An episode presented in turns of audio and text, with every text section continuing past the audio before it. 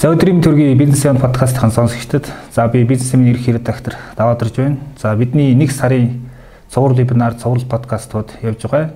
За ингээд э, энэ сард бид нар бизнестэй холбоотой эргэцэн сэдвүүдийг хөндөж подкаст, вебинарууд хийж байгаамаа. За өнөөдрийн бидний ярих сэдв бол одоо татвартай холбоотой юм яриа өрнөхөр байгаа. За ингээд өнөөдөр энэ сэдвээр ярилцахаар студид маань Монгол такс TMZ компани үүсгэн байгуулагч Тонголмаа зөвлөх маань ирсэн байна. За баярлалаа. За мөн Монгол такс TMZ компани бизнес хөгжил хариуцсан захирал Батулжи зөвлөх маань ирсэн байна. Өдрийн мэнд хүргэе. За баярлалаа. Та бүхэндээс өдрийн мэнд хүргэе. За за тэгээд хэдүүлээ подкаст эхлэхээс өмнө спонсороо танилцуулаад тахыг тийм ээ. За өнөөдөр манай подкастын дугаартай Памперийн ханиад нэм хамтран ажиллаж байна. За энэ маань болохоор их ийм ханиадны шин чимд яг богино хугацаанд дэмжilдэг. Ерөнхийдөө нэг ханиад хүрэх гээд ингээ нэг сэрвэлзээд ирдэг шүү дээ. Тэр үед нь ингээд уучхад ерөнхийдөө ингээд нам дарахаар ийм зориултаа юм. За тэгээд ялангуяа одоо та бид нар шиг юм одоо байнгын завгүй ажил хэрэгч хүмүүс хаач авсан ингээд хурал цуглаан лексэн дэр байж явахтаа ч гэсэн задлаад уучхаар ийм одоо тохиромжтой савлгаатай ийм бүтээгдэхүүн байна. За тэгээд ерөнхийдөө бол өмнөд Солонгост бол алдартай юм юм байдгийн мэлээ тентхий хэрэглэгчд маш сайн мэддэг. За Монголд бол одоо Teramid гэдэг компани аль биесны эрхтэйгээр оруулж ирж байгаа юм байна. За ийм одоо газар маахтай хамтарч ажиллаж шүү. Ирүүл агараа яг энэ цаг үед бас хэрэгтэй юм байна. Тэгээд бас нэрээ та бүхэндээ сайн хийж мэдгүй дээ. Ирүүлгийг хүсье тэгээд за баярлалаа. Болгоод өгчээ тийм ээ оруулж ирж байгаа та нар манаас энэ Монгол улсад яг энэ өнөөдрийн нөхцөл бас юм чинь тэгээ өвчний эсрэг өвчлөлийн эсрэг байгаа учраас баяр хүргье. Тэгээ ирүүл агараа. Тэгээ ер нь тэгээ нөгөө нэг өвчин гэдэг чинь бас зөвхөн туссан хойно дэмжлэх биш дээ. Иргэд урчин сэргийлэлт бас голоо шалгалаа дэмжихтэй. За. За тэгэхээр үндсэн сэдвэр орё тийм ээ. Одоо ингээд нөө нэг тайлангийн үйлрэл явж шít. Одоо та бүхэн маань мэдээж зав байгаа зав гараад ирсэн бас баярлалаа. За тэгээд яг уу ингэж асуумаар л да. Одоо яг ингээд одоо ингээд зүгээр хөндлөнгөөс би зүгээр хөндлөнгийн хүний нүдээр харахад ингээд одоо захирлууд маань та нэгтлэнгууд маань ийм нэг тоондоо захирагдаад яваад байгаа шүү дээ. Уг нь одоо нэг санхүүгийн удирдлага гэдэг нэг ойлголт байгаа. Тоогоо захирч одоо тэрийг бизнестэй эргээр ашиглах ёстой тийм ээ. Тэгэхээр одоо бол ингээ нэг нэр тоонуудыг гаргаад нэг тайлагнаад өгчүүлээгээл нэг юм юмнаас зовлонгоос алах гэдэг юм шиг. А гэтэл тэр тоог яаж эргээ тэр нэг бизнестэй ашиглах уу гэдэг дээр юм жаахан гацаатай байгаа юм шиг тийм. Энэ яг юунаас болоод энэ ер нь энэ дээр та мэрэгжлийн хүний хувьд юу гэж бодож байна гэдэг эндээс шууд яриага эхэлчихэ тийм. Тэгэхээр яг өнөөдөр бас бидний бэлтэж байгаа те сэдв маань хэдийгээр бид нар санхүү татврын жил дуусаад бид нар тайлагнах үүргээ хэрэгжүүлж байгаа юм хариуцлагатай цаг хугацаа боловч энэний цаана яг нөгөө гаргаад ирж байгаа тоо мэдээлэлдэрээ дүн шинжилгээ хийгээд дараагийн цаг төлөвдөө удирдлагатаа шийдвэр гаргах суур бодиттой мэдээлэл болгож ашиглах нэг ёсондоо шийдвэр гаргалтын түүхий материалаа зөв сонгож ашиглаж чадахгүй байгаа нийтлэг дутагдал бидэнд байна.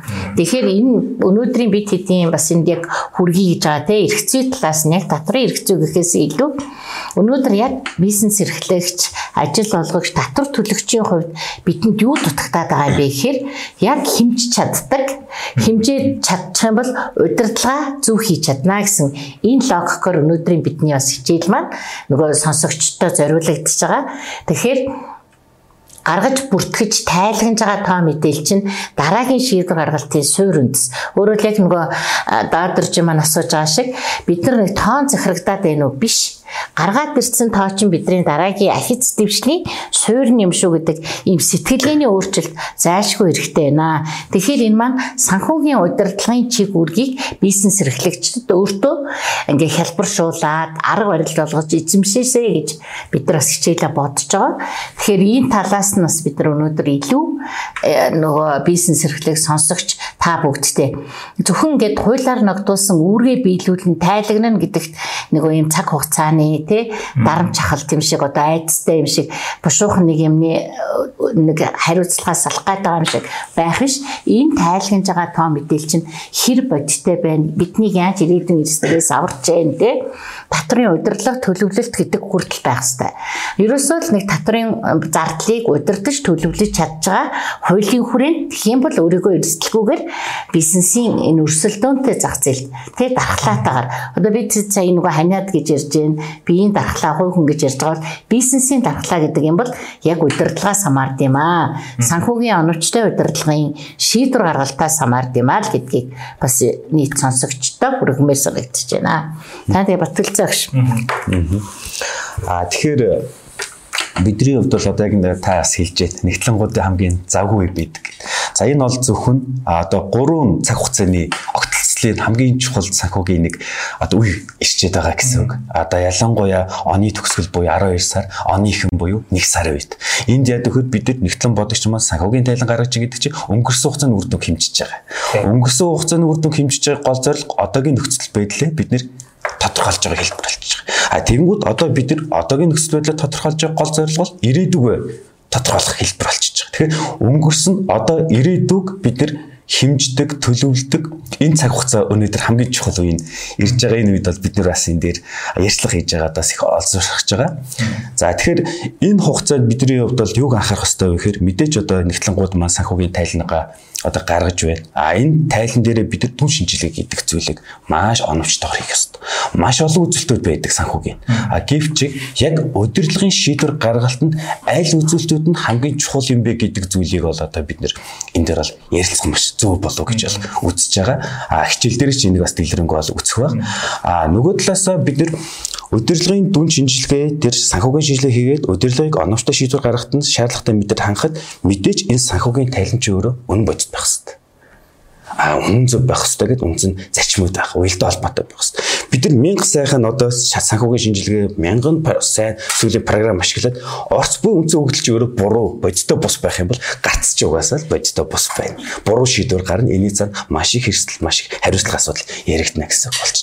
Тэгэхээр бидний хувьд бол мэдээж үндсэн өгдөл буюу тайлан тооцоо өгдөл манд бодиттой байх хэрэгтэй. Энд дээр бид нар маш оновчтой үзүүлэлтүүдээр санхүүгийн харьцаа, зохистой харьцаа шинжилгээ хийх хэрэгтэй. Энд дээр удирдлага шийдвэр гаргах хэрэгтэй. За ингээд эргээгээд бид нар яаж энийг төлөвлөлтөө уйж өгөх юм бэ гэдэг чи өөрөө бас өөр бас нэг ярих хэвэл асуудал. Ингээд ингээд шууд шууд лавшруулаа асуумаар л да. Ер нь одоо яг хуу ихэнх хүмүүс ярьдаг л да. Энэ тоонуудыг ирэх ингээд бизнест ашиглахгүй ингээд ийм одоо татварынх нь нийгмийн даатгалын гаргаж өгöd нэг юм ялны ажил шиг хийхдээ мэдрэмж төрөөд идэхтэй. А ер нь гэхдээ түрүүн та ингээд цус дурдлаа. Яг тэр нэг бизнесийн шийдвэр гаргалтыг маргааш манай бизнес хаана явах хэвтэй тэнд байчихад энэ тоонуудыг яаж ашигтай гэдгийг тэр тодорхойлохын гол нэг 3 4 үзүүлэлтнийг юу байдгийг тэр тоонууд дотроос те. Юуг нь одоо тэр захирал үүсгэн байгуулагч за одоо юу гэдгийг санхүүхэнтэй энэ тим тоонууд та нар одоо надад гаргаад өгчихтэй би бизнесээр нь яваад байгааг нэг мэдмээр байна гэдэг ч юм уу те. Яг тэр тоонууд ямар үзүүлэлттэй байх ёстой одоо тийм тэр би нэг ганцхан ерөнхий бас бид нар ойлгоод өгч байгаа учраас онлын нэг жижигхэн ойлголт гэж бид нар эдийн засаг гэхээр л ингээд нэг том шинжилгээ ухаан те. Нэг талд хязгааргүй өсдөг хэрэгцээнд нэг хязгаарлагдмал нөөцөд яаж хангах вэ гэдгийг судалдаг шинжилгээ ухаан гэдэг шинжилгээ ухааны ойлголт бол зөв юм аа. Гэтэл ямар нэгэн макро тим төвшөнд биш. Одоо бич бизнес эрхлэгч тэг өрхийн хувьд ч байсан гэсэн аж ахуйн нэгжийн хувьд ч.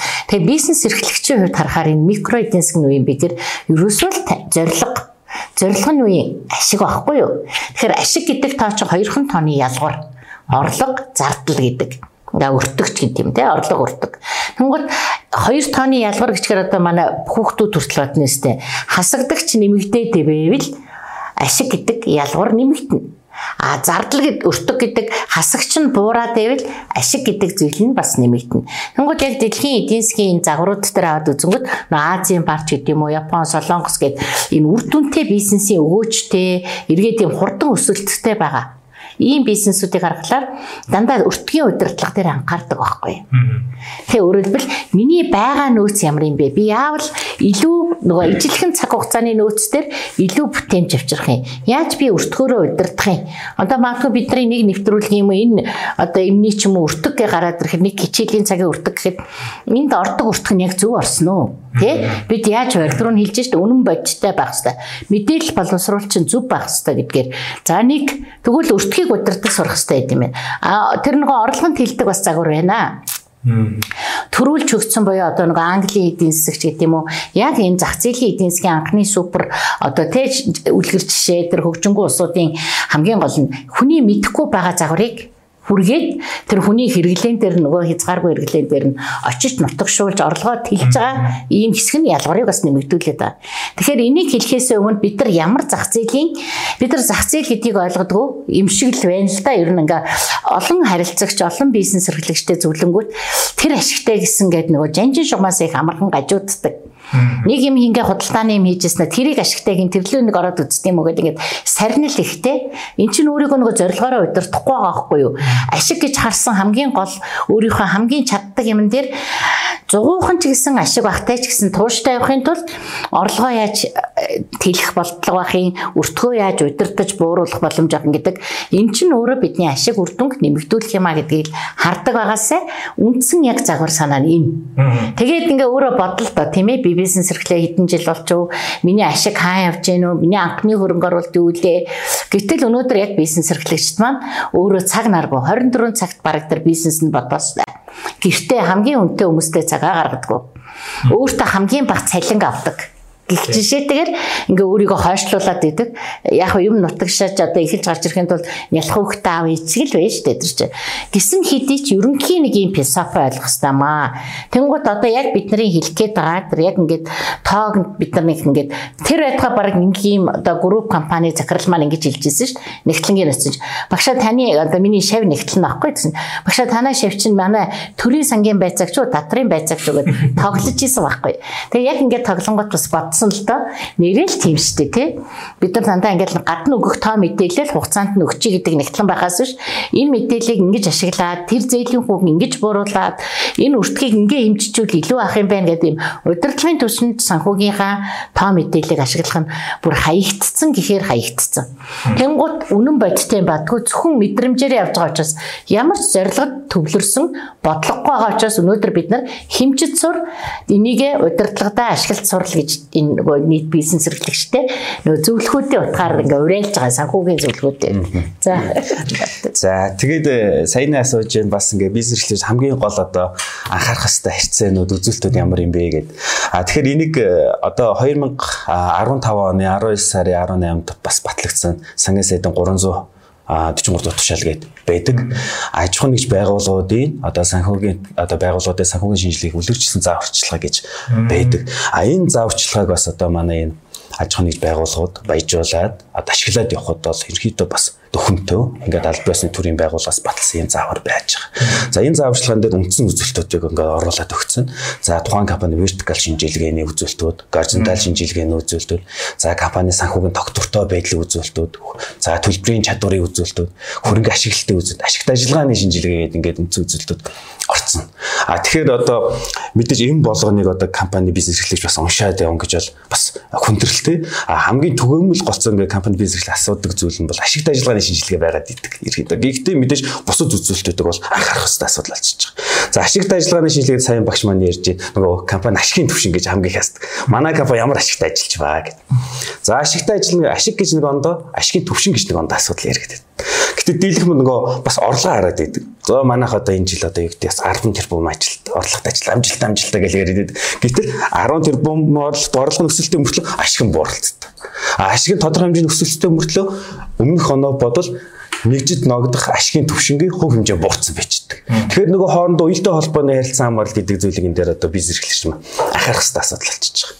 За нөгөө талаас ашигт ажиллагааны шинжилгээнд дэр манай бизнес эрхлэгчдийн хамгийн бас нэг алддаг эргэлзээтэй зүйл болохоор нөгөө нийт ашиг хараад идэг. Нийт ашиг гэдэг чинь өөрөө үндсэн орлого өртөг хоёрын ялгуурлыг л яриад байгаа хэрэгтэй бац айн багш ярьдаг. Гэтэл үүний чинь цаана үйл ажиллагааны зардал, ерхий удирдлагын зардал гээд татврын өмнөх ашиг гэж нэг зүйл ярих хэрэгтэй болчихж байгаа. А тэгээд татврын зардлын тооцоол гэдэг чинь бүхэлдээ нь одоо эн чинь бас том одоо шинжилгээ ухаан салбарын асуудал хэрэгтэй. За түүний дараах татврын дараах ашиг буюу одоо манай хүмүүс хэлдэг цэвэр ашигын асуудал хэрэгтэй эхэлчихэж байгаа гэсэн.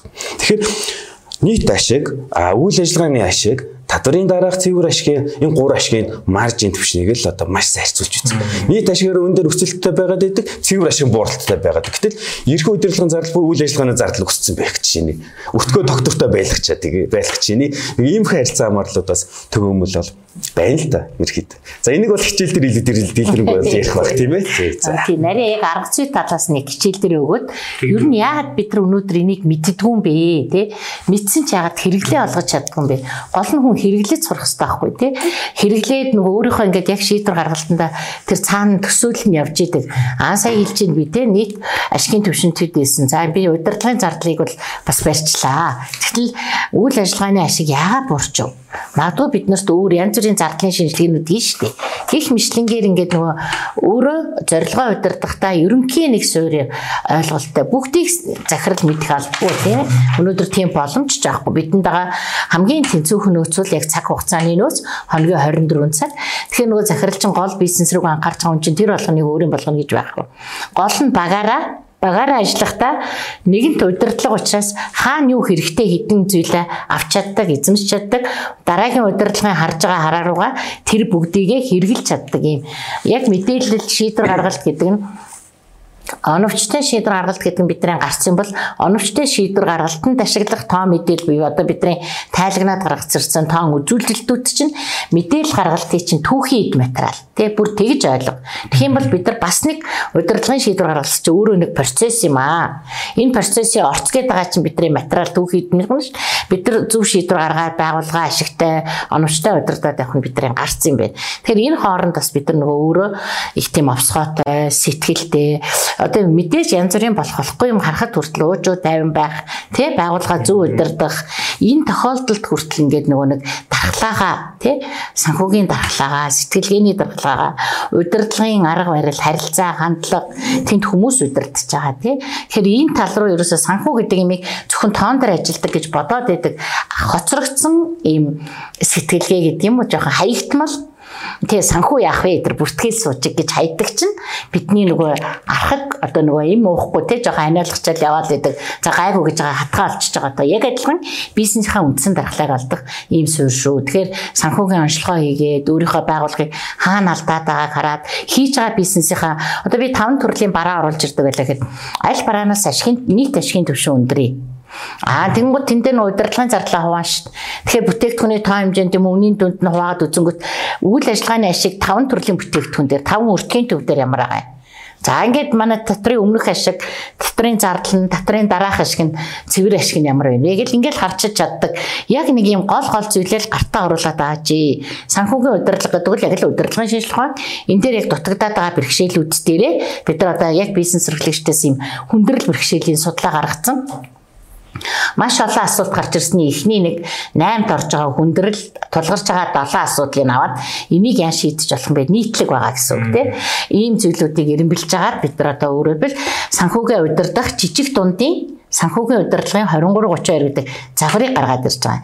За яг сая сангийн яамны тушаал хэлж байна. Өөрөөр хэлбэл тоо мэдээлэлтэй шинжилгээ хийгдгийг бүр төр байж байгаа бодлого дотор ч нь орчоод байхад бид нар өөрөө тэр мэдээллийг гаргаж өгдөг. Бид нар тэнд нэг өөрийнхөө төлөө хийгээгүй хүний төлөө хийгээд байгаа юм шиг бодоод байгаа ч буруу байна. Та өөрийнхөө бизнесийн тайлгналыг Монгол улсын эдийн засагт оруулж байгаа хувь нэмэр чинь бүртгэгдээд байгаа юм. Одоо и балансын шинжилэлт явж байгаа энэ төр бол маш энэ дээр ач холбогдол өгөх хэрэгтэй байхгүй. Тэгээд ирсэн зүйл дээрээ шинжилгээгээ энэ аргаар хийчихээрэй. Тэгвэл чи санхүүгээ удирдах чадъя чи өгчээд байхад тэр энтрийг одоо өөрийн болгоог байгаа нь яг төлөвлөж ерөөсөө юмыг чаддаг. Урдчлаа сайн хараад тодорхой одоо нөгөө хувь хүний гэхэд л одоо хөгжил гэхээр төлөвлөлт сурыг гэж төлөвлөлтийн дэвтэр гэж ярьдагтай адилхан санхүүг төлөвлөлтөөс эхлэх хэрэгтэй санхүүгийн өдөр. Тэнгууд яг 2 дугаар хичээлийн маань 2 дугаар хэсэг нь санхүүгийн төлөвлөлт гэж юм. Яаж төлөв төлөвлөж оновчтой чадах юм бэ гэж ихгээл ихгээд байгаа. Тэгээ тэр зааварчлахаар ихэд ингээд нэг хэрэглээнд сайн орж чадаагүй л байгаа юм шүү дээ. Тэг ингээд бизнес хэрэглээ. Бизнес хэрэглэж Аа тэгэхээр бас нэг зүйл тодруулмаар нь юу гэхээр за дүн шинжилгээ бодиттой үнэн одоо би шийдвэр гаргалтад бодиттой байхын тулд нөгөө нэг бүртгэл маань эхлээд зөв явагдсан байх шүү дээ. Тоонод зөв ингээд байр байрандаа байх хэрэгтэй тий. А гэтэл бас манай дээр чи ингээ нөгөө нэг бүртгэл явагдах процесс нь өөрөө ингээ бас алдаагаар дивнэд байдаг шүү дээ яг хөө сүүл одоо ингээд нөгөө нэг системүүд маань илүү захимжаад ингээд бас алдаа гарах хийдлүүд нь багасаад байна л тэг. Гэхдээ л байгаад байгаа тий. Ер нь яг одоо тэгэхээр бүртгэл буруу явчихаар чинь нөгөө нэг тайлангийн үйлрэл чинь бүр тэгээд мөргчин их ачаалтай тийм одоо холион бантан болох гээд шүү дээ. Тэгэхээр бүртгэлийн шатан дээр нь ямар гол алдаанууд одоо стил одоо бол гараад байгааг за зүгээр ахад давтах бити давтаасаа гэж за захиуднаас хэлвэл ямар нийтлэг алдаанууд байдаг. Одоо санхүүгийн эмгэг цэгц ярих гэдэг. Тэгэхээр э, санхүүгийн тийм эмгэг цэгц буюу сахилга бат гэдэг асуудлыг энд хөнтгөөс арга болчихж байгаа. А компани сахилга бат эмгэг цэгц гэдэг зүйлийн ард одоо дэг гэдэг зүйл ярих хэрэгтэй болчихж байгаа. Дигийн ард одоо компанид байх ёстой зүйл өөрөө бидний хамгийн одоо энгийн одоо аль бисны хэлээр бол нөгөө санхүүгийн журам гэдэг зүйл. Бид нар нэг хэлээр ярьдаг. Нэг одоо дүрм нэг одоо заавраар ингэж явах хэрэгтэй. Тэрнээс өдөрлөг нэг өөр дихтэй аа санхугаал өөр дихтэй бусад нэгжүүд өөр дихтэй санхүүгийн үйл ажиллагаа нөгөө ямар дүрм журмаа зохицуулагддаг тэр зохицуул тухайн компанид байхгүй гэдэг чинь нөгөө буруу бүртгэл санхүүгийн нөгөө нэг соёл гэдэг зүйл сахилга бат гэдэг зүйл суугаагүй нэг шинж болчихж байгаа. Тэгэхээр бид нар өнөөдөр тухайн компани санхүүгийн мэдээлэл урсгал гэж яриад байгаа юм л та. Үндсэн мэдээлэл урсгалыг 7 төвшөнд бид нар ангиллаад байгаа. За мөнгө хөрөнгөний мэдээлэл урсгал, бараа материал, үндсэн хөрөнгө, үр төлбөр, авлага, цалин өргөжүүл, санхүүгийн эрсдэл удирдлага гэдэг ингээд үндсэн нэг 7 элемент асуудал яригдчихэж байгаа. Энэ болгон дээр энэ компани дээр санхүү мэдээлэл мэдээлэл урсгал тодорхой байна уу? Завгүй махид бол одоо энэ 24 оны эхний нэг нэг сар явж байна. Компани санхүүгийн төлөвлөлт мөнгө урсгалын төлөвлөгөөг гаргах энэ дэг процесс систем өөрөө тодорхой байна уу? Систем маань хин хийх нь тодорхой, хин боловсруулах, хин батлах, хизээ, ямар маягтаар, ямар аргачлалаар гэдэг тодорхой байна юу гэдэг асуудал өөрөө энэ асуулт бол явчихж байгаа гэсэн. Аа тэгээд энэ процесс систем маань бий болж иж мэдээж дүрм журамлагд энэ дүрм журмын дагуу тэнд одоо ажлын талбар дээр байгаа байгууллага дээр байгаа хүн болгоно дагаж мөрдгийн цагт ерөөсөл энэ бүртгэл тооцоо эмгцэгцэн асуудал бол яригдах хэрэгтэй болчихж байгаа. За мэдээд дараа дараагийн нөгөө стандартын бүртгэл татрын хуулийн мөрдөл гэдэг чинь бас өөр асуудал. Гэтэ энэ болгоны сүүрч өөрөө ерөөсөл энэ санхүүгийн сахилга бат гэдэг асуудал байна. А тэгвэл одоо юу гэдгийг бизнес эрхлээд удаагүй баа эсвэл дөнгөж бизнес эхэлж байгаа. Гэтэ санхүүгийн ер нь тэр нэг удирдлага гэдэг талаар ямар ч төсөөл байхгүй тийм захирал үзэндээ байгаа шүү дээ үсгэн байгуулагч тий. Тэр хүмүүсийн хувьд хамгийн нь хийх юм шууд мэрэгжлийн хүн тандахын зөв гэдэг юм одоо яадаг эсвэл өөрөө тэр янз янзын сургалт гол юмд нь суух хэрэгтэй гэдэг юм уу. Тэр хүнд бол одоо юу гэдгийг тэр нэг болон гартаа усан дор ямар ч чолоонууд байгаа нь харагдахгүй байгаа шүү дээ. Тийм хүмүүсийн хувьд ихний хийх алах юм дээр та нар юу зөвлөх вэ?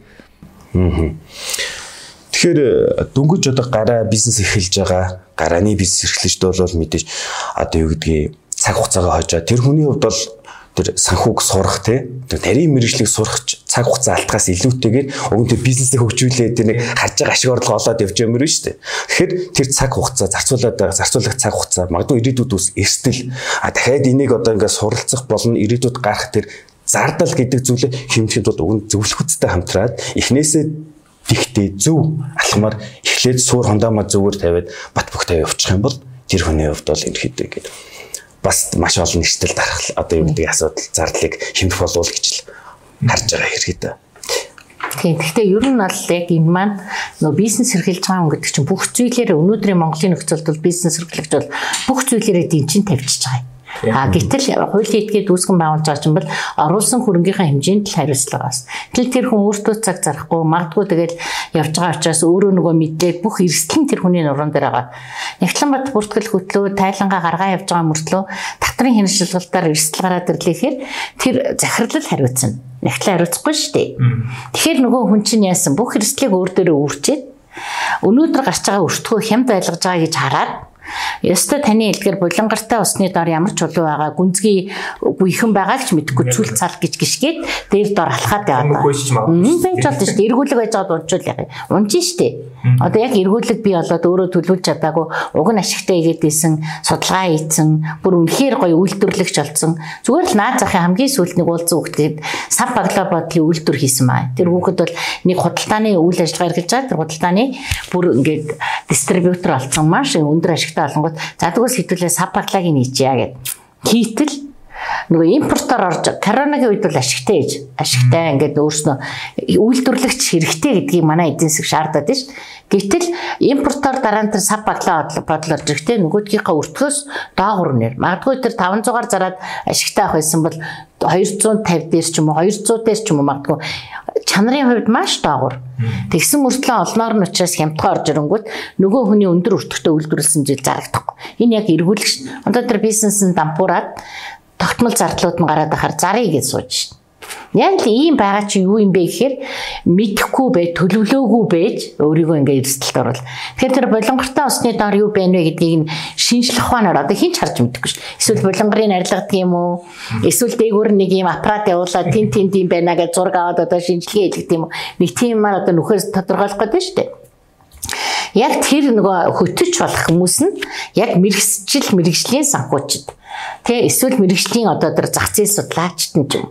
Эсвэл яг энэ танай тохирдог хүмүүсийг бэлддэг хүний нөөц нь ч юм уу тэ. Тэгэхээр яг удирдлагын шинжилгээ чинь өөрөө тэгээд хүний нөөц, бизнес төлөвлөлт нь тэ. Тэгээд IT хүртэл орж ирж гэн тэ, санхүү орж ирж гэн, үйлдвэрлэлийн менежмент орж ирж гэн гэдэг ингээд үндсэн юм модулуудтай. Тэгэхээр яг энэ зүйлүүд дээр мэрэгсэн зөвлөгөөг авчиж би өнөөдөр зохион байгуулахад эхлэхэд зардлыг гардагч би өөрөө удаан хугацааны оршин тогтнолыг авчирч байгаа гэдэг тийм бизнесийн зөв сэтгэлгээ авах хэрэгтэй. Нөө хэний ч мэдэхгүй суучж байгаатай л адилхан байгаа. Тэг хүний үгээр саагаа суучж штэ. Энэ ашигтай гингод өө за за гоё харагдах ч байсан мухач байсан харахгүй гэр бүл болчихж байгаатай л адилхан болж байгаа. Тэгэхээр бид нар өөрийгөө нээгээсээ өөрийнхөө бэлгийнүүдийг мэдрэмжийг зөв авч яваасай л гэж хэлдэг. Санхүү бол үнэхээр айлуудад өрөвдмөр шүү. Очоод ингээл зөвлөх гэхээр бүр өстой хэцүү идэг. Тэгээд нөгөөдөлөө байжуулж тий. Байжуулаад ингээл аваад гарахаар зарим нь сайхан үг сонсож जैन, зарим нь туйлдж जैन. Тим жижиг юмнаас гэд өөрөөсөө ойлгоод байгаа. Жижиг биш байхгүй юу? Өвчин гэдэг бол жижигхэн. Одоо энэ би нэг одоо микрофт ямар энүүхийн цусчгээд одоохондоо бол гайг баг. Магадгүй янзлахгүй яваад идэг миний цус руу орчвол хэдэн сарын дараа биний бараг амь настай холбоотой ажиллагаа шүү дээ. Яг л ингэж л санхүүгийн нөгөө зөв дархлаа, зөв соёлыг суулгахад илүү зөв сонголт шийдвэрийг хийдэг байгаасай л гэж бизнес эрхлэгчдээс энэ сургалтынхаа өгөөжийг төрлөө чиглүүлмээр байна тий. Аа тэгэхээр бас нэг зүйл асуумаар юу гэхээр одоо ингээд татварын маань орчин те бодлого маань ихэд ингээд баг багаар л яваад илүү тийм одоо юу гэдгийг яг одоо бүгдийг нь ингээд тайлагнадаг бүртгүүлдэг одоо нөө мөнгө уурсгалаа мэдээлэл илүү цуглуулахаар чиглээд ах шиг байна л да тий. Яг тэгээ зарим одоо зөвлөхүүд маш олон бизнес эрхлэгч ер нь татварын орчин чинь ингээд яг бизнес эрхлээд явхад уламж хэцүү болоод байгаа юм биш үү? Гэс нэг тийм нэг нийтлэг мэдрэмж байгаад байгаа шиг байна те. Ялангуяа 24 онд бол бас ингээд нэлээд хэдэн өөрчлөлт орчих шиг боллоо. Тэр нэг хувийн татвар тэргээл эхнээс яригдж байна. Нийгмийн даатгал дээрч бас өөрчлөлтөд ороо явчих шиг боллоо. Одоо ер нь ямар нэгэн орлого олвол тэгэл шимтгэл төлөхөөс өөр аргагүй болчих шиг боллоо ч гэдэг юм те. Ингээл яах ингээд нэг тийм их их бизнес эрхлэх нийтлэг мэдрэмж нь юу гэхээр ингээ нөгөө нэг амьсгал агаар маань улам багасаад байгаа юм биш үү гэдэг л тийм байгаад байна. Ер нь 24 онд ихт яг юунд анхаарах вэ гэдэг дээ тий. Гутрах шалтгаан байна уу үнэхээр те эсвэл одоо бас өөдрөг байх шалтгаан юу вэ энэ тал дээр энэ дээр та ер бас зөвлөж. За ер нь бид нар өнөөдөр хичээл ярих та бизнес эрхлэгч бол гурван талт субъект юм а гэд ингээд хичээл дээр агуулгыг өгч байгаа. Бизнес эрхлэнэ гэдэг чинь чи өөрийнхөө санхүүгийн төр ураа шиг орлого зарлага тайлгнаа санхүүгийн тайлгын л уу и баланс руу явчихжээ тий мэдээлэл орчихжээ. За дараа нь ажил олгогч гэдэг чиг үүрэг бай. Яг ажил олгогчийн хувьд яаж байгаа юм бэ? Бидэрт ямар байх вэ гэд. Тэгэхээр мэдээж яг одоо бид нар нэгэнт батлагдсан хуулийг бол мөрдөхөөс өрөөг байхгүй. А одоо бууралт юу байна вэ гэвэл бид нарт одоо ингээд за тэтгэврийн насны хүмүүс ажил хийлээ. Тэнгууд бас л адилхан нөгөө ажилтнтай адилхан хувь хэмжээнд багц гэсэн нийгмийн даатгал төлдөг байсан бол энэ тэтгэврийн сан гэдэг рүү мөнгө орохгүй учраас шимтгэл төлөх шаардлагагүй учраас зүгээр ажилгүйдлийн хөдөлмөрийн чадраа алдалтын гэсэн хоёрхан төрлийн тэтгэмжийн сан дээр шимтгэл төлөх боломж байна гэх жишээтэйгээр ингээд бууралтууд бол байгаа. Ер нь бол болохгүй байгааг нь ярихаасаа илүү бас нааштай байгаа өгөөжүүдийг ихэж хардаг байх хэрэгтэй. Одоо зүгээр л хоёр хүн байлаа гэхэд хоёулаа ханаа төрсэн байж хаад нэг нь энэ имийг угаад өөстө гоё болж ингээд сэтгээд маш богинох хэрэгж байгаад нэг нь ээдээ мэдхгүйгээ итгэхгүй бол ямар ах вэ те. Тэгэхээр өнөөдөр чи нөгөө эрүүл мэндийн гот хүн бодол сэтгэлийн эрүүл мэнд гэдэг чинь их чухал болчиход байна шүү дээ. Тэгэхээр ийм бас зүйлээс нь хараасаа. За мэдээж өнөөдөр яг хувь хэмжээгээ чагсаагаал ингээд үзэнгүүт бүгдээрээ те нийгмийн даатгал нь гээл 20% тавьчих जैन татвар нь 10% гэдэг шууд утгаар нь бас битгий ингэж ойлгооч. Миний одоо төлөвлөлт гэж ярих гээд байгаагийн хамгийн гол нь миний бис одоо өнөөдөр бол бид тэр энэ богино хугацаанд бүх зүйлийг хэлж чадахгүй учраас төлөвлөлт санхүүгийн удирдлагын төлөвлөлт гэдгийн дотор татврын төлөвлөлт хийл гэж үзээч. Би үндэсний үйлдвэрлэгч гэж болно. Би кластер бүтээгдэхүүн гаргадаг гэж болно. Ямар ямар одоо ногоон эдийн засгийг дэмжих чиглэлд байгаа. Юу ч мэдэхгүй. Зүгээр л үйлдвэрлэл борлуулаад өөрөө одоо өнөөдөр татрын багц хуулийн тэгэхэд 200 гаруй ийм хөнгөлж чөлөөлтийн тодорхой бодлогууд эд заалтууд байдаг байхгүй. Гэтэл тэрнийг ерөөсөө нэгийг ч авч чадахгүй. Ерөнхийн нэг нийтлэг ярьдаг 300 сая хүртэлх бол 1%. За ингээд 1.5 тэрбум борлол 10% төлчөөд 90% татраа буцаанч гэдэг юм уу те иргэн хуулийн этгээд хоёрын ялгаа ямар саяын таны 1% гэдэг чинь бол иргэн дээр үйл ажиллагаа эрхэлсэн орлогоо бид нар 1%-аар тайлгнах боломжийг өгч байгаа. Тиймээс аж ахуйн нэгжтэр бол 20 оны 1 сарын 1-ээс байсан заалт Аа хэлбэршүүлсэн горим гэдэг бол. За тэгээд ингээд үзэнгүүт үйл ажиллагаа эрхэлж орлого олж байгаа бол тэр хүн үйл ажиллагааны орлогод нь цалин өсдөнтэй адилдах орлого гэдгийг оруулахгүй байх боломж нь байна. Тэгвэл би одоо тий өөрөө сайн дураараа нийгмийн даатгалдуулж болох юм уу? Эргүүл энэ заалтаараа доторынхаа тайлан дээр иргэн өөрөө тайлагнадаг байх юм уу? Миний орлогоос битгий суудгаараа би өөрөө тайлагнана Яг тэгвэл би үйл ажиллагаа эрхэлж болж байна гэдэг юм тий. Тэгэхээр ийм ийм нарийн зүйлүүдээ өөрийнхөө бизнес загвар дээр төлөвлөлтөөр, татрын төлөвлөлтөөр ийм загваруудыг гаргаж аваад тэгээд тэрнийхээ дагуу явах юм бол гарцсан хойно татвар төлөх эрсдэл ярих биш. Өмнө нь надад ямар боломжууд ийсэн. Энэ замаар болохгүй бол би. За би ямар сургалтын зардлыг өөрийнхөө хасагдах зардал болгох юм. Тэгээ ямар зохион байгуулалтын зардал байвал би одоо өөртөө хасагдах зардлын шин чанарыг хангах уу? Таван төрөл одоо энэ 20 оны 1 сарын 1-ээс хэрэгжиж байгаа үйл чинь гэхэд хасагдах зардал тавигдах таван үндсэн шаардлага гэдээ ороод ирсэн. Энэ таван шаардлагыг хангаж ивэл хасагдаж болно. Урд нь бүр ингээд нэг бүрчлэн цайлын шимтгэл, томил, тим тим гэх бүр нэр төрлөөр нь заачдаг гэсэн. Одоо тэгээгүй. Та яг орлогоо олохтой холбоотой гарсан зардлаа нотолч чадчих юм бол хас. Тэгээ эн чинь илүү нарийн бас тийм хуулийн зохицуултууд орж ирж байгаа. Мэдээж яг хувь хэмжээ дарамт төлж байгаа татрын зардлаа одгоор бизнес хийж байгаа хүнд бол төлж л байгаа учраас нэг л их стресстэй, биел заваад байж гэдэг юм уу те. Тэгэхээр ер нь бол нэг сайхан үг үйдэж шүү дээ. Би ч одоо зөвлөх хийгээд 18 дахь жилдээ ингээд дагнаад явж байгаа. Янз янзын хүнтэй толно зөвлөгөө маань үр ашиггүй болох гэхээр яа сайхан тайтгарах вэ гэд ядаж өөрийгөө тайтгаруулдаг үгнүүд тэг ингээд тэгэхээр бид нар нөгөө хүнд ерөөсөө өөрөө тэр боломжийг бүтээдэг байх хэрэгтэй боломжийг бүрдүүлдэг ах хэрэгтэй. Тэгэхгүй тэгэл одоо хүнтэй адилхан юм шиг өө тэр тэгж ингээл нэг хүн гэлэнгүүт нэрээ тийм болоод өөр төр оролдлого хийж үздэггүй. Миний бизнес загвар дээр хит байх юм бэ. Ийм оролдлого хийж үзээгүй жиж ийм сивилт гэдэг юм одоо тийм нэг мэдээ мэдээллийн 90 100 чинь дандаа нэг буруу гаргаж байгаа зүйл рүү ингээд тушаарч энэ мэдлэггүй хүний л ажил аахгүй. Тэгээ явж авч сүлд нь яг ингээд энэ үгээ хэлэхэд хинт ч дараа болохгүйгээр амьдрын гэдэг бол хамгийн том соёл. Одоо үр хөвгтэй ч гэсэн бид нар өөр өөрийг ингээд тосн гаргацгаар өөр өөрийгөө болгоол нэг яваад байгаа шүү дээ. Тэгээ бид нар ч гэсэн эцэг ихтэй тэгээл явж байгаа. Тэгээ энэ бол хамгийн том хариуцлагатай иргэн гэж бид нар хардаг. Зөвлөх хүний нүдээр ч гэсэн тэгээд. Тэгэхээр бизнес эрхэлж чана гэдэг чинь чи өөрийн бизнесийн дархлаагаа хин нэгэнтэй адилтгах биш өөрөө яг өнөөдөр хууль эрх зүйн зөв авч явах төр гурван тал чиг үргээ эргэжүүлэх чинь авч явах хамгийн суурь юм нь бол чи өөрөө өөртөө тохирсон төлөвлөлтийг хийж сураа. Ганц татрын төлөвлөлт биш. Ерөөсөө бизнесээ төлөвл төлөвлөсөн зүйл дээрээ илүү оновчтой шийдлүүдийг гаргаж тэ боломжоо бүрдүүлээ л гэж хэлмээр.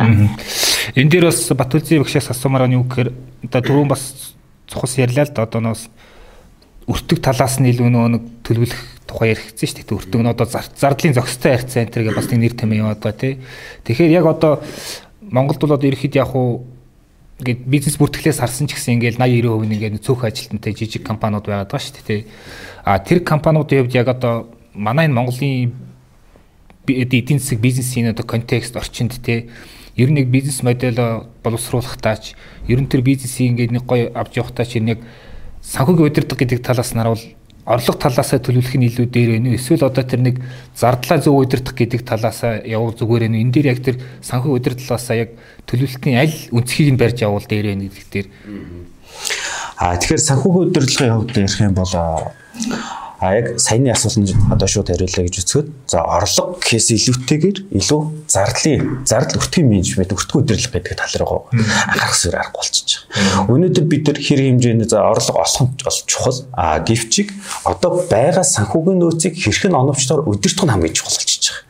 Одоо байгаа санхүүгийн нөөц гэдэг маань одоо бидний байгаа дөнгө өргөө үлдэгдэл заавлаа параметр юу гэдэг дээ санхүүгийн тайланг үзүү бүрдлэн хэсгүүдийг л байгаа явчихж байгаа гэсэн үг ихэд.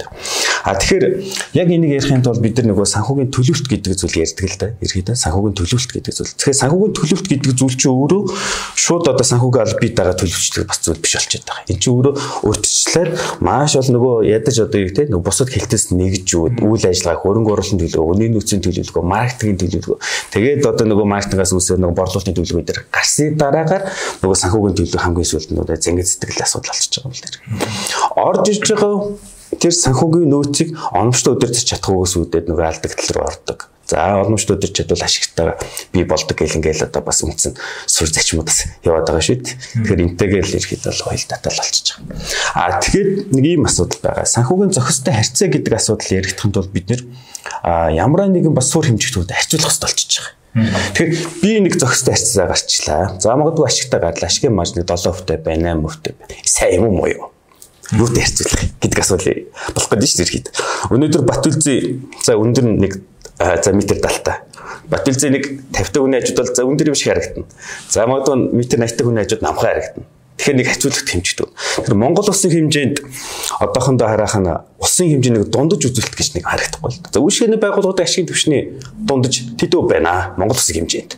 Барилгын салбарын ашигын марж барилгын одоо гэдэг Монгол улсын хэмжээ 2023 оны байдлаар тэдүүвтэй байлаа. Тэгвэл би улсын дунджаас нэг өрөм дагнууд хармаар байдаг. Гэтэл одоохондоо тийм харьцуулах үзүүлэлт бол байхгүй. А тиймээс би ямар үзүүлэлтэд харьцуулж энэ дээр анализ хийж шийдвэр гаргах сайн муугаа мэдлэх ёстой юм бэ гэхээр өөртөө өөртөө л харьцуулах шаардлага болчихж байгаа. Өөрөө өөртөө харьцуулах шаардлага үүсч ингээд гэдэг одоо нөгөө бас ихэнд хэлсэн горизонталь шинжилгээ буюу хэвтэй шинжилгээ буюу тэр компани санхүүгийн үзүүлэлт хамгийн багадаа 3-5 жилийн динамик график зурагдчихэж би энэ дээр нэг анализ хийж аа өснө үү буурсан уу аль жил нь би зөв стратеги тактиктай ажиллаад ийм машин төвшин санхүүгийн доктортой байдал бүрэн хангагдсан бэ төлбөрийн чадвар сайн байсан бэ гэдэг асуудлыг өнгөрсөн түүхээс харах бүрэн болно шүү дээ. Тэгээс зөвхөн өнгөрсөн жил буюу хоёрхан жилийн хооронд бас хангалттай үзүүлэлт гарч ирэхгүй. Тиймээс нэгтлэн бот бүтэн зарчимдэр тасралтгүй байх гэдэг зарчим байдаг. Иймээс санхүүгийн байдал нэг дансын төлөвөтөө нэг одоо зөв бүтгэлтэйгээр ингээд хугацаанд өссөн байх ёстой л гэдгээс биднээс зөвлөлтөлтэй хэрэгтэй. За тэгэхээр одоо подкастын сүүлийн асуултыг асууя те илүү одоо арга зүй талаас нь бол хоёр багш маань одоо хичээл дээрээ заан тийм ээ одоо нөгөө боловсруулсан загвараа илүү дэлгэрэнгүй ярих. Тэгэхээр сүүлд юу хамгийн сүүлд юу гэж асуумаа нэхээр өмнө бас маа подкаст орж ирсний хүн гоё хэлсэн те энэ санхүүд ер нь одоо энэ санхүүг удирдах гэдэг тэр нэм хонцын сэтгэлээр хандаж болохгүй. А гэтэл гэдгийг компаниуд юу ажилладаг гэхээр ингээд баримт бүрдүүлэлтээс эхлээл нэг юм янз янзын хүмүүс орж гараал орж гараа явцсан буруу зүрөө явцсан те. Сүүлд нь тэгээд тэр тоонууд нь юу хэлж байгааг ч мэдэгдэхгүй хаашаа явж байгааг ч мэдэгдэхгүй болцсон те.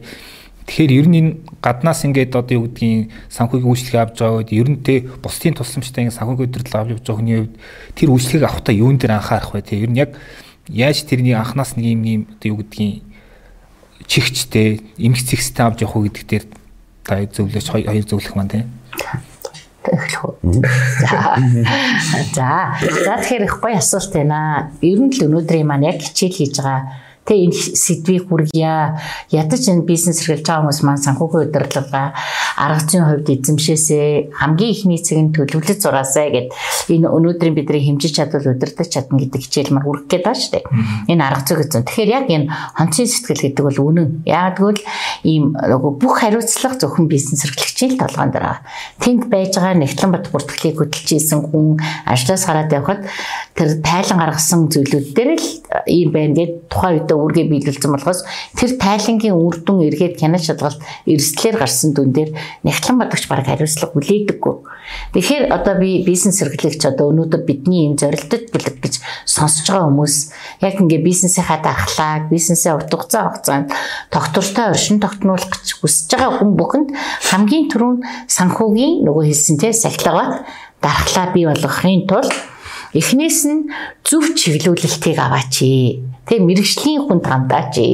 Өнөөдөр иргэн дээр байгаа л нэгтлэнтэй байсан хичнээн сайн нэгтлэн байсан ч тунгалагмаа магадгүй тий хөдөлмөрлөх чадваргүй одоо болоод ингээд ч юм уус за гоёор яриг бол хатгшаа татгшаа байлаа өгөө явцлаа тий би бүр суралцаар явлаа гэдэг. Тэгтэл чин нөгөө дараагийн хүнд бол нөгөө хийжээс ажил. А энэ зөвлөх үйлчлэгээний байгууллага тандсан байгаа юм бол би байхгүйч байгууллага оршин тогтнох байхгүй. Хоёр хуулийн этгээдийн хооронд хийцэн гэрээ учраас таны хянал шалгалтанд тэр байгууллага төлөөдөд явна. Энэ нөгөө байгууллагаар зөвлөх үйлчлэгээ үзүүлэхийн хамгийн том давуу тал. Тэгэхээр сонголт таны гарт байгаа яг ийм мэрэгсэн зөвлөх үйлчлэгийг авч сурах соёлыг л өөртөөс бол жоохон зориг хэрэгтэй. Яг бол багийн үйл ажиллагаа эрсдлийг шилжүүлж байна. Энэ хэмжээгээр хувь хүнээс арай өндөр өртөгтэй байхыг үгүйсэхгүй. Тэгээ зарим нэг хувь хүн нэгтлэн ерөнхий нэгтлэнгууд бол одоо залин бас өндөр халаад байгаа мөртлөө ингээд тоогоо өөрийн болгодгоо шалтгаандаа хариуцлага хүлээдгүй таалт тэгж хэлсэн. Ягаад энэ нөгөө бизнес эрхлэгч за энэ хэрэггүй хаа би ингэ шийдчихье. Өөрөө урдаас нь шийдвэр гаргацдаг. Нэгтлэн гаргаж өгөөгүй ш гаргаж өгсөн. За би мэдэж байна энэ удаа хойшлуулж гэдэг юм уу. Орлого хүлээн зөвшөөрөхгүй байх ч юм уу те. Ингээд өөрөө эсвэл баримт олж ирнэ би чадна гэд ингээд. Тэгээ нөгөө нэгтлэн өөрөө мөн чанараар хуулийн дагуу үргээ биелүүлэхэд нь саад тотгор учруулчихж байгаа. Тэнгууд нэгтлэн хариуцлага хүлээхгүй бол нөхцөл байдал үүсэж шít. Тэгэхээр бизнес эрхлэгчийн өөрийнх нь хариуцлага нь шууд 100% шилжиж штэ. Тэгэл ингэж л өөрийгөө эрсдэлд оруулахгүй гэж бодож байл бизнесийн дархлаатай санхүүгийн сахилгаваттай байяа л гэвэл энэ зөвлөх үйлчлэгээтэй бол хамтрах нь хамгийн зөв. Ядаж өөрөө одоо тэр баг хамт олно тий сайн өөрийн хүүхэд нь нэгтлэн байна, гэр бүл нь нэгтлэн хийж байгаа хүмүүс байна штэ. Нийтлэг манай дүр зураг дээр нийтлэг байгаа. Тий. Тэндээ бас ийм чиглүүлэлтүүдийг авдаг сургалтаар өөртөө тохирсон тоо хэмжээнд дээр нь нөгөө хүн шинжилгээний мэдэхгүй ч гэсэн гардаг тоогоороо нөгөө гэр бүлийнх нь нөгөө санхүүгийн атгасаар хагаад наа чин тэгдгийг наа чин тэгдгийг ингээ бүр өөр юм болгоцсон. А гэтэл яг шинжилгээ хэмжээ инээсэн цаана яг нөгөө шийдвэр гаргалтынхаа аяш шатанд явах юм гэдэг зөвхөн бүртгэх тайлагнах дээр өөр юм болгочоод цааш нь яаж ашигын төвшнгөө харах, удирдлага яаж мэдээлэлээр хангах гэдэг нь байдаггүй. Тэгэхээр ийм зүйлүүдийг бас илүү сайн тий болгож чадвал өөрийнхөө бас тийм нэг өнөөдрийн тийм санхүү яах вэ гэдэг үгнээс бол татгалзгаа болно. Төлзий багш нэгдвэл аа ер нь бол одоо бизнес эрхлэгчтэй хамгийн асуудаг зүйл яаж хүнээс үл хамаарсан системийг бий болох вэ гэдэг асуултыг асуудаг ергээд. Хин нэг нь орж ирсэнд яг л нэг системээр ингэж явж идэг гэдэг. А мэдээж яг түрүү сайн нэрдэг санхүүгийн сахилга бат соёл гэдэг асуудал. А гэхдээ энд бид нэр хоёр зүйлийг л одоо зөвлөх нь чухал болоо гэж бодож байна. Нэг мэдээж хэрвээ та хүнээс үл хамаарсан систем гэдэг зүйлийг бий болгож байгаа бол санхүүгийн төвшөнд эхлээд санхүүгийн нөгөө зохистой процесс буюу систем гэдэг зүйлийг бий болгоо. Энд чинь өөрөө санхүүгийн журамл гэж яриад байгаа. Санхүүгийн журамтай болоо.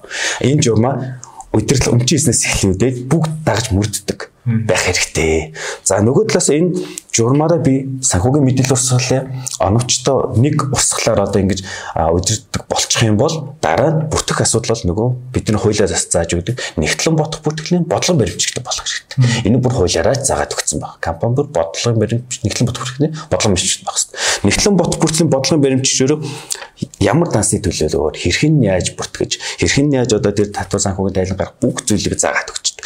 Ингээд ирэхээр дүрмтэй, журамтай, системтэй бодлоготой болоод ирэхээр ямар ч туршлагатай ямар ч арга барилыг хүн болсон тэр одоо арга барил дүрм журмаар яваад ирэхээр бид нар бас энэ хэсглээс тодорхой хэмжээгээр ангид байх юмаа гэж л ирэхэд бол зөвлөдөгтэй. Тийм. За баярлалаа. Ингээд гурлаа подкаст өндөрлөө тийм ээ. За тэгээд сонсогч үзэгч дахин сануулхад манай подкасттай Пампарын ханиад нэм хамтарч ажиллаа. За одоо шинж тэмдгийг одоо түргэн хугацаанд дардаг одоо ерөөхдөө ханиад хүрэх гээд ирэнгүүт ингээд хэрэгэлчүүл одоо тэр л ус чин сэргийлж чадхаар одоо ямар ч эмийн сангаар ингээд жоргуу ингээд аваад аваад хэрэгжилж болохоор ийм юм байгаа. За ингээд баярлалаа.